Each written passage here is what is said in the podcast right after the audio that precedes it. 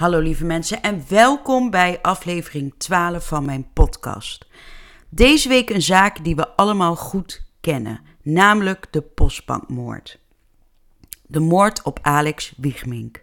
Een zaak die lang onopgelost bleef en leek of deze nooit opgelost zou worden. Echter worden er twee daders opgepakt en wordt de zaak alsnog na jaren opgelost. Voor deze zaak gaan we naar 20 januari 2003 naar de gemeente Reden, naar de postbank. Op deze 20 januari komt er bij de meldkamer van de politie een melding van een misdrijf binnen. Dit misdrijf zou plaats hebben gevonden op de parkeerplaats Bloemers in het natuurgebied de Postbank in de gemeente Reden. De melder van het misdrijf had gezien toen hij met zijn fiets langs de parkeerplaats fietste dat er iemand op de grond in een wit shirt lag met een hele grote rode plek op zijn rug. Ook zag hij twee personen lopen. De melder is een stuk doorgefietst en heeft toen 112 gebeld en het tijdstip van de melding was exact 170242. Een andere getuige, die was destijds werkzaam als faunabeheer bij natuurmonumenten in het Nationale Park Veluwezoom, heeft ook gemeld dat hij rond 5 uur drie droge harde knallen hoorde. De getuige had enige ervaring met vuurwapens en wist vrij zeker dat het hier om pistoolschoten ging. De knallen waren regelmatig en er zat ongeveer 1 seconde tussen de drie knallen. Op dat moment zat de getuige in een soort hoogwerken, dus hij kon goed bepalen waar de schoten vandaan kwamen. Deze kwamen vanuit de richting van de parkeerplaats Bloemers. De politie gaat op de melding af. Daar is op 20 en 21 januari 2003 door de technische recherche onderzoek gedaan op die parkeerplaats Bloemers. En op de plek die door getuigen is aangewezen is een luminol-onderzoek gedaan. En daar kwam inderdaad uit dat er op die plek, wie aan is gewezen, uh, bloed aanwezig was. Ondertussen komt er bij de politie een melding van vermissing binnen. Alex Wiegmink was al ergens einde van de middag gaan joggen op de postbank. Maar het was ondertussen al tien voor acht en hij was nergens te bekennen. Dit was niks voor Alex en zijn familie maakte zich zorgen. Ongeveer een half uur later gebeurt er nog iets. Want om 20 uur 22 en om 20 uur 25 komen meldingen binnen van een brand in de bossen tussen Erp en Gemert. De politie ging erop af en trof inderdaad een brandende personenauto aan. Om 20 uur 36 kwam de brandweer ter plaatse en drie minuten later was de brand geblust. Een groene Opel Astra was totaal uitgebrand. Toen de politie het kenteken natrok, bleek de auto op de naam van Alex Wiegming te staan. De man die een half uur eerder als vermist was opgegeven bij de politie. Rond 20 uur 42 komt de brandweer erachter dat er nog een persoon in de uitgebrande auto zat. Het lichaam lag op de achterbank. Om de linkerpols van het slachtoffer zat een horloge en deze stond stil op 20 uur 13. Na vergelijking met gebitsgegevens kan met 100% zekerheid gezegd worden dat de overleden persoon in de auto de vermiste Alex Wiegmink was. Alex Wiegmink was 25 jaar gelukkig getrouwd met zijn vrouw en had drie zonen. Hij kwam uit een Gelders dorp Dremt en was werkzaam als huisschilder en was ontzettend sportief. Hij liep graag hard en was zelfs aan het trainen voor een marathon. Hij had trouwens al meerdere marathons gelopen. Op het moment van vermissing was Alex Wiegmink 44. Alex was een gewone man, een gewone vader, geen gekke dingen. Een gewone sportieve man. Hoewel Alex Wiegmink voor de nabestaanden geen gewone man was, voor hun was het hun geliefde vader, hun geliefde man, hun geliefde broer, zoon en vriend. Ik ga voor jullie even de gebeurtenissen samenvatten. Op 20 januari 2003 moet Alex Wiegmink werken. Hij had een schildersklus in Velp, vlakbij Arnhem. Het was een klus waar de puntjes nog op de i gezet moest worden, dus um, ja, niet heel veel werk. En na de klus wil Alex graag nog een rondje hardlopen in Reden op de postbank, want dat lag immers dicht bij zijn klus. Al liep Alex meerdere keren in de week een rondje hard in dat natuurgebied. Het was die dag niet echt topweer. Het was grauw, het regende, maar voor Alex maakte dit niks uit. Hij ging letterlijk lopen door weer en wind. Maar Alex komt niets meer thuis na zijn hardlooprondje. Rond de klok van 5 uur komt er dan een melding bij de politie binnen dat getuigen een misdrijf hebben gezien. De politie vindt dan op de parkeerplek daadwerkelijk bloed. Twee plekken met bloed. De vrouw van Alex Wiegmink maakt zich ondertussen zorgen omdat haar man niet thuis komt uh, met het eten. En ze besluit dan naar de postbank te rijden om te kijken of Alex zijn auto nog op zijn vaste plek staat. Maar er was geen Alex en er was geen auto. En daarop besluit ze Alex als vermist op te geven. En dat was rond tien voor acht die avond.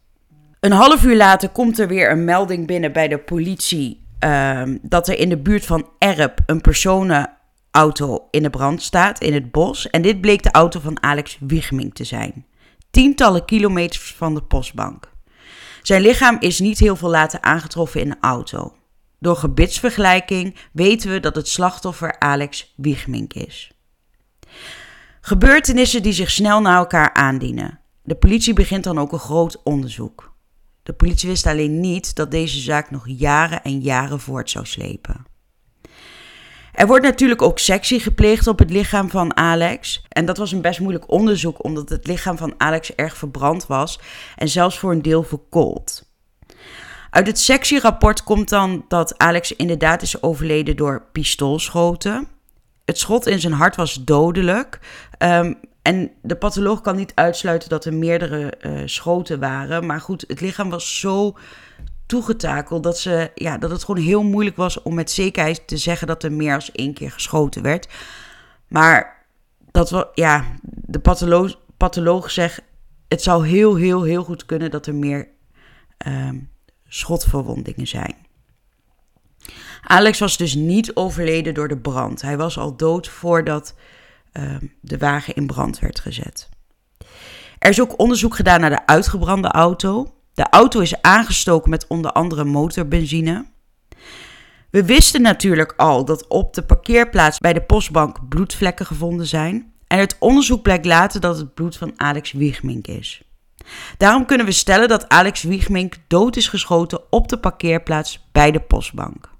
Daarna is hij in zijn eigen auto door de daders vervoerd naar de bossen bij Erp en daar is zijn lichaam en de auto in brand gestoken. In het begin van het onderzoek stuit de politie al heel snel op Frank S. Zijn kenteken is namelijk genoteerd door de boswachter. De politie hoort S dan ook, niet als verdachte, maar als getuige.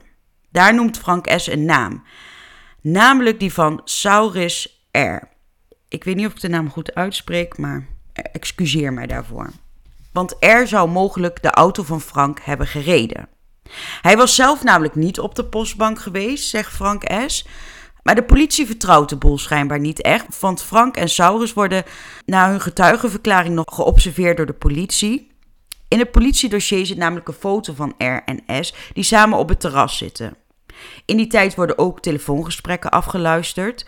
Maar op een bepaald moment moet de politie het onderzoek naar de mannen toch stopzetten. Want het Openbaar Ministerie zegt dat er niet genoeg aanwijzingen zijn om uh, beide heren te volgen en aan te merken als verdachten.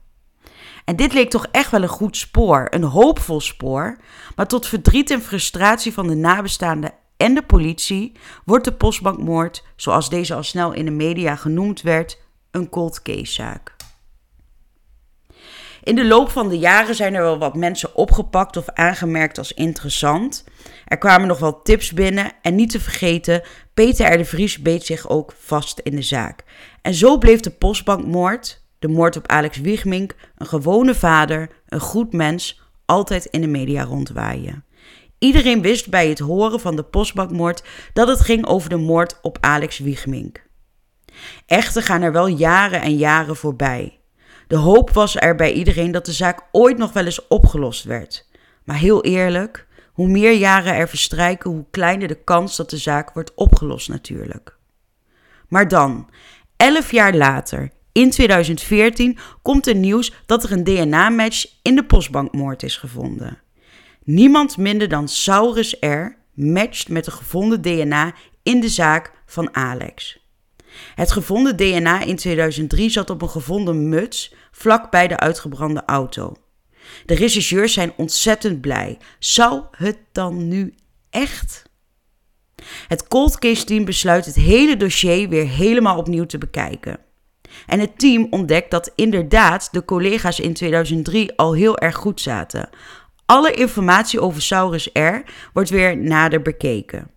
Zo komt ook weer de naam Frank S naar boven. Maar goed, tot nu toe hebben ze alleen een DNA-match en moest natuurlijk meer bewijs in de zaak komen om de zaak tot een goed eind te brengen. Als eerste de muts. In de Hurkse bossen in Erp is een muts met het opschrift SOX gevonden. Dit was een soort bivakmuts. Deze muts was gevonden op 15 meter afstand van de uitgebrande auto. Op de muts zijn lichaamshaar en speeksel gevonden. De haar zat aan de binnenzijde van de muts en ook het speeksel is gevonden aan de binnenkant ter hoogte van de mond. Uit het DNA-profiel wat op is gemaakt destijds uh, van de sporen is de donor dus Saurus R. Ook de politie is de telecomgegevens nagegaan van beide en daaruit is gebleken dat om 18 uur 28 vanaf zendmast in Erp is gebeld. Saurus R. heeft gebeld naar Frank S. En dit was in de directe omgeving van de plek waar de auto van Alex in brand is gestoken. De politie besluit dan ook een undercover-operatie op te zetten om het bewijs nog sterker te laten zijn. Belangrijke gesprekken tussen de undercover-agent en Saurus R. hebben plaatsgevonden op 1 en 2 november 2016. De undercover-agent vraagt aan R wie die gast is die op de postbank is geweest. Saurus R. noemt de naam van Frank S. Maar R zegt dat, S, dat Frank vijf dagen voor de moord op de postbank is geweest. Niet op de dag zelf. Maar later in het gesprek plaatst R. Frank op de dag van de moord toch op de postbank. Maar niet alleen zegt Saurus dat Frank er is geweest, nu geeft hij ook aan dat hij op de dag van de moord op de postbank was. Samen met Frank. Over de moord op Alex zegt R tegen de undercover agent: hij heeft gewoon pech gehad. Verkeerde moment, verkeerde plaats. Er geeft aan dat Alex dingen heeft gezien die hij niet mocht zien. Hij had een deal gezien. Toen is het uit de hand gelopen. Alex wilde schijnbaar de politie bellen. Nog voor Alex dit kon doen, is hij doodgeschoten. Ook vertelt Saurus R over wat er na de moord is gebeurd. Hij vertelt dat ze Alex op de achterbank hebben gelegd. Uh, dat dit een hele klus leek, omdat het een grote man was. Maar er zegt, ja, het was eigenlijk in een paar seconden gepiept. Voordat ze de auto dan in brand staken, bespraken R en Frank S. vluchtig wat ze dan gingen doen. En ze hebben de auto later met benzine en alcoholdoekjes in brand gestoken. Over de sporen die zijn gevonden, zegt Saurus R. ook het een en ander tegen de undercover agent. Het wapen zou schoongemaakt zijn en weg zijn. Dat ligt ergens in het kanaal bij Den Bosch. En de kogels die in het wapen zaten voordat ze naar die deal gingen, waren ook al schoongemaakt. En over het feit dat er wel DNA is aangetroffen, zegt Saurus R dat dat het enige is wat naar hem wijst. Maar hij is nergens mee geconnect, zoals hij zegt. Dit zijn de eigen woorden van Saurus R in een undercover operatie. Ik zal dadelijk meer context geven over hoe die undercover operatie ging. Maar dit zijn de verklaringen van Saurus R.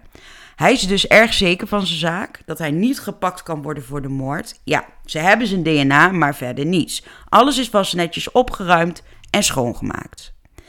Maar zegt de undercover agent, dat kan allemaal wel zo zijn, maar wat als Frank S. gaat praten? Op 1 november 2016 laat de politie weten aan de media dat er ontwikkelingen zijn in de postbankmoord. Ze zijn zelfs zo ver dat ze kunnen melden dat de daders, want er waren er meer, uit Brabant kwamen.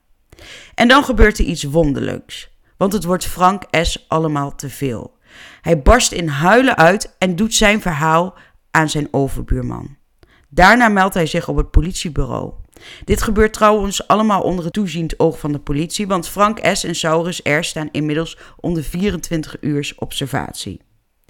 Niet heel veel later wordt uiteindelijk dan ook Saurus R. opgepakt, 13 jaar na de moord. Eindelijk worden de verantwoordelijken voor de moord op Alex Wiegmink opgepakt. Maar wie zijn deze Frank S. en Saurus R. nou? Frank S. is op het moment van de rechtszaak 56 jaar. Hij komt uit Boekel en is klein van stuk. En Saurus R. komt uit Veghel, is geboren in Paramaribo. Ook hij is klein van stuk. R. is drugsverslaafd en drinkt veel. Op het moment van de moord is Saurus R. 29 en Frank 42. De twee kennen elkaar uit het drugscircuit. Frank S. kweekt wiet en R neemt geregeld wiet af bij Frank uh, S. R heeft op dat moment al een behoorlijk strafblad. Zijn strafblad begint al in 1990 met diefstal met geweld. Eigenlijk komt daar steeds weer wat bij. Denk aan afpersing, diefstal, geweldsmisdrijven, bedreigingen en vernieling. Ook komen er na de moord op Alex Wiegmink een aantal drugsmisdrijven bij. Het strafblad van Frank S. is leeg voor de postbankmoord, maar na de moord wordt S. veroordeeld voor hennepteelt en een winkeldiefstal. Een saillant detail is misschien nog wel dat Frank S. een avond na de moord huilend zijn vrouw de moord heeft opgebiecht. Zijn vrouw heeft dus ook 13 jaar haar mond gehouden. Frank S. heeft zichzelf natuurlijk vrijwillig gemeld bij de politie nadat hij huilend aan zijn overbuurman de moord op Alex Wiegmink had opgebiecht. En tijdens verhoren legt Frank een aantal verklaringen af over de feiten. Frank S. zegt dat hij in 2003 door Saurus R. is benaderd voor het plegen van een overval. Frank had nog geld te goed van Saurus en Saurus had op zijn beurt weer gehoord dat er in de auto's van een meubelzaak in Erp wel geld te halen was. Echter wilde Frank S. hiervoor niet zijn eigen auto gebruiken en daarom moest er een andere auto of scooter geregeld worden. Ze besloten om op een stille plek, waarbij ze geen risico liepen, een persoon onder druk te zetten met een pistool, uh, om zijn of haar auto dan te jatten. Deze voorbereiding met die auto's heeft wel een tijdje in beslag genomen, want in de periode van twee weken zijn ze op zoek gegaan naar een auto. Vervolgens zagen zij op 20 januari 2003 op een parkeerplaats in natuurgebied de Postbank een groene auto staan. Dit moest de auto worden. Ze besloten op die parkeerplaats te wachten tot de persoon die bij de auto hoorde. Beiden hadden een wapen binnen handbereik. De wapens had Saurus R meegenomen en ze hadden eerder het schieten met de wapens al geoefend. Ze haalden beide de veiligheidspal van het wapen af en dit was op initiatief van Saurus R. Vervolgens kwam Alex Wiegmink aanlopen. Hij liep aan de voorkant van de auto en S en R stapten uit de auto en liepen op Alex af. Ze riepen dat ze de auto van Alex wilden hebben. Alex kwam vervolgens met open armen en met een kreet rennend op R en S af. Op een afstand van twee meter haalde Frank S. de trekker van zijn pistool over. Echter heeft niet alleen Frank op dat moment geschoten, ook Saurus zou hebben geschoten. Alex zakte in elkaar en bewoog niet meer. Frank S. verklaart dat ze na kort overleg hebben besloten om Alex mee te nemen. Samen hebben ze Alex op de achterbank gelegd. Vervolgens is Frank S. in zijn eigen auto gestapt en Saurus in de auto van Alex. Ze zijn beide naar de afgesproken plek in het bos gereden in Erp. Dit was de weg tussen Erp en Gemert. Ze zouden daar de auto in brand steken om hun sporen te wissen. Toen Frank S. op de afgesproken plek was, was Saurus er nog niet en daarom belde hij hem op. Kort daarna arriveerde ook Saurus op de afgesproken plek met Alex. En Frank vroeg nog aan Saurus of Alex nog leefde. Er zei dat hij niet meer bewoog en dat Alex dood was en dat ze zo snel mogelijk weg moesten. Ze moesten van de auto en van Alex Wiegmink af. Daarom besloten ze beide in brand te steken. Saurus pakte een jerrycan met benzine uit de auto van Frank en uiteindelijk heeft Saurus de brand aangestoken. Frank verklaart dat hij dit niet heeft gezien, maar hij hoorde een knal en zegt dat er daarna een grote vuurbal was. Vervolgens stapten ze in de auto van Frank en reden weg. Saurus heeft de wapens schoongemaakt en Frank heeft ze in de Zuid-Willemsvaart bij Den Bosch in het water gegooid. Dit lijkt een hele duidelijke bekentenis, en eentje waarvan Frank zichzelf ook niet vrijpleit. En dat zijn vaak wel de beste bekentenissen. Dat vindt ook de rechtbank en zij achten de bekentenis van Frank S. betrouwbaar. Dit omdat de verhalen van Saurus en Frank grotendeels overeenkomen. Saurus heeft natuurlijk het hele verhaal afgestoken uh, tegen een undercover agent. En ook worden de verklaringen van Frank S. ondersteund door andere bewijsmiddelen. Denk aan telecomgegevens, de gevonden muts bij de uitgebrande auto en getuigenverklaringen. Echter wordt er direct wel gesteggeld over de undercover operatie. Deze zou niet netjes zijn verlopen, al dus de advocaat van Saurus R. De undercover-operatie is toegepast nadat Frank S. zou hebben bekend bij de politie. Een undercover agent zou zogenaamd bij een criminele organisatie zitten en deze agent zou Saurus R betrokken hebben in deze organisatie. Er zou hebben kunnen, tussen haakjes, solliciteren bij de baas. En zo werd de Mr. Big methode opgevoerd. En we weten van de afgelopen jaren dat deze methode vrij omstreden is. Verdachten kunnen hierbij makkelijk valse bekentenissen afleggen. De Mr. Big methode is trouwens oorspronkelijk afkomstig uit Canada. Maar goed, deze methode werd dus ook gebruikt om de tweede verdachte Saurus R te laten bekennen in de moordzaak op Alex Wiegmink. De organisatie zou draaien om handel in ecstasypillen. Er zou dan pillen moeten inpakken en bewaken bij de loods waar deze allemaal lagen opgeslagen. En tijdens de operatie werd er betaald en ze beloofden hem nog een bedrag van ruim 75.000 euro voor een drugsdeal. Uiteindelijk hebben de agenten de druk opgevoerd en dit deden ze onder andere door te onthullen dat hem bekend was dat er verdachte was in de postbankmoord. De betrokkenheid van R volgde daarom dan een risico voor die zogenaamde organisatie. Daarom legde R een bekennende verklaring af die als bewijs gebruikt werd. Nou, even een sprongetje in de tijd. Uiteindelijk neemt het Hof na jaren procederen de undercover-operatie en het daaruit voortvloeiend bewijs niet mee als bewijsvoering, want het Hof zegt: we hebben genoeg bewijs aan telecomgegevens, de verklaring van uh, Frank uh, S. We hebben uh, DNA-sporen, dus we hoeven dat bewijs niet mee te nemen. Dus dat hebben ze uiteindelijk na heel lang procederen aan de kant gelegd. Maar dat lag er ook nog als bewijs. Maar de advocaat van Saurus R. had nog een ijzer in het vuur, namelijk de verklaring van Frank S. Want hij heeft namelijk verklaard dat hij uh, ongeveer een jaar voordat hij werd opgepakt een psychose heeft gehad. En dit zou hij hebben gehad nadat zijn uh, ja, relatie verbroken was. En verder heeft hij ook nog verklaard dat hij anderhalf jaar voor de moord op Alex Wiegming depressief is geweest door het verbreken van die relatie toen der tijd. Dus die advocaat zegt: ja, zijn die verklaringen dan wel betrouwbaar? Ik wil eerst dat Frank S. psychisch onderzocht wordt. Het Hof zegt dat Frank S. zelf heeft verklaard dat hij depressief is geweest in de periode voor de moord, maar dat hij niet twijfelt aan herinneringen over de moord. Frank S. is ook psychisch onderzocht en daaruit blijkt uh, dat Frank S. niet leidend was aan een psychische stoornis ten tijde van de moord op Alex Wiegmink. S wordt dan ook voor die moord volledig toerekeningsvatbaar verklaard. Dus ja, eigenlijk wordt dat, hè, die suggestie van de advocaat aan de kant ge, uh, geveegd en gezegd: ja, weet je, het Pieter Baan Centrum heeft in de rechtszaak tegen Frank al gezegd dat Frank volledig toerekeningsvatbaar is. Dus wij nemen zijn verklaring gewoon mee als bewijs. Uiteindelijk, na eerste aanleg, na hoge beroepen, cassaties, worden beide mannen, Frank S. en Saurus R., veroordeeld tot 18 jaar cel uh, voor de moord op Alex Wiegmeng. Ze hebben beide geschoten. En zo kun je zien dat na jaren nog steeds een zaak opgelost kan worden. Dat de familie van Alex Wiegmink eindelijk kan beginnen aan de verwerking van deze verschrikkelijke zinloze moord. Want waarvoor is Alex nou vermoord? Voor zijn auto?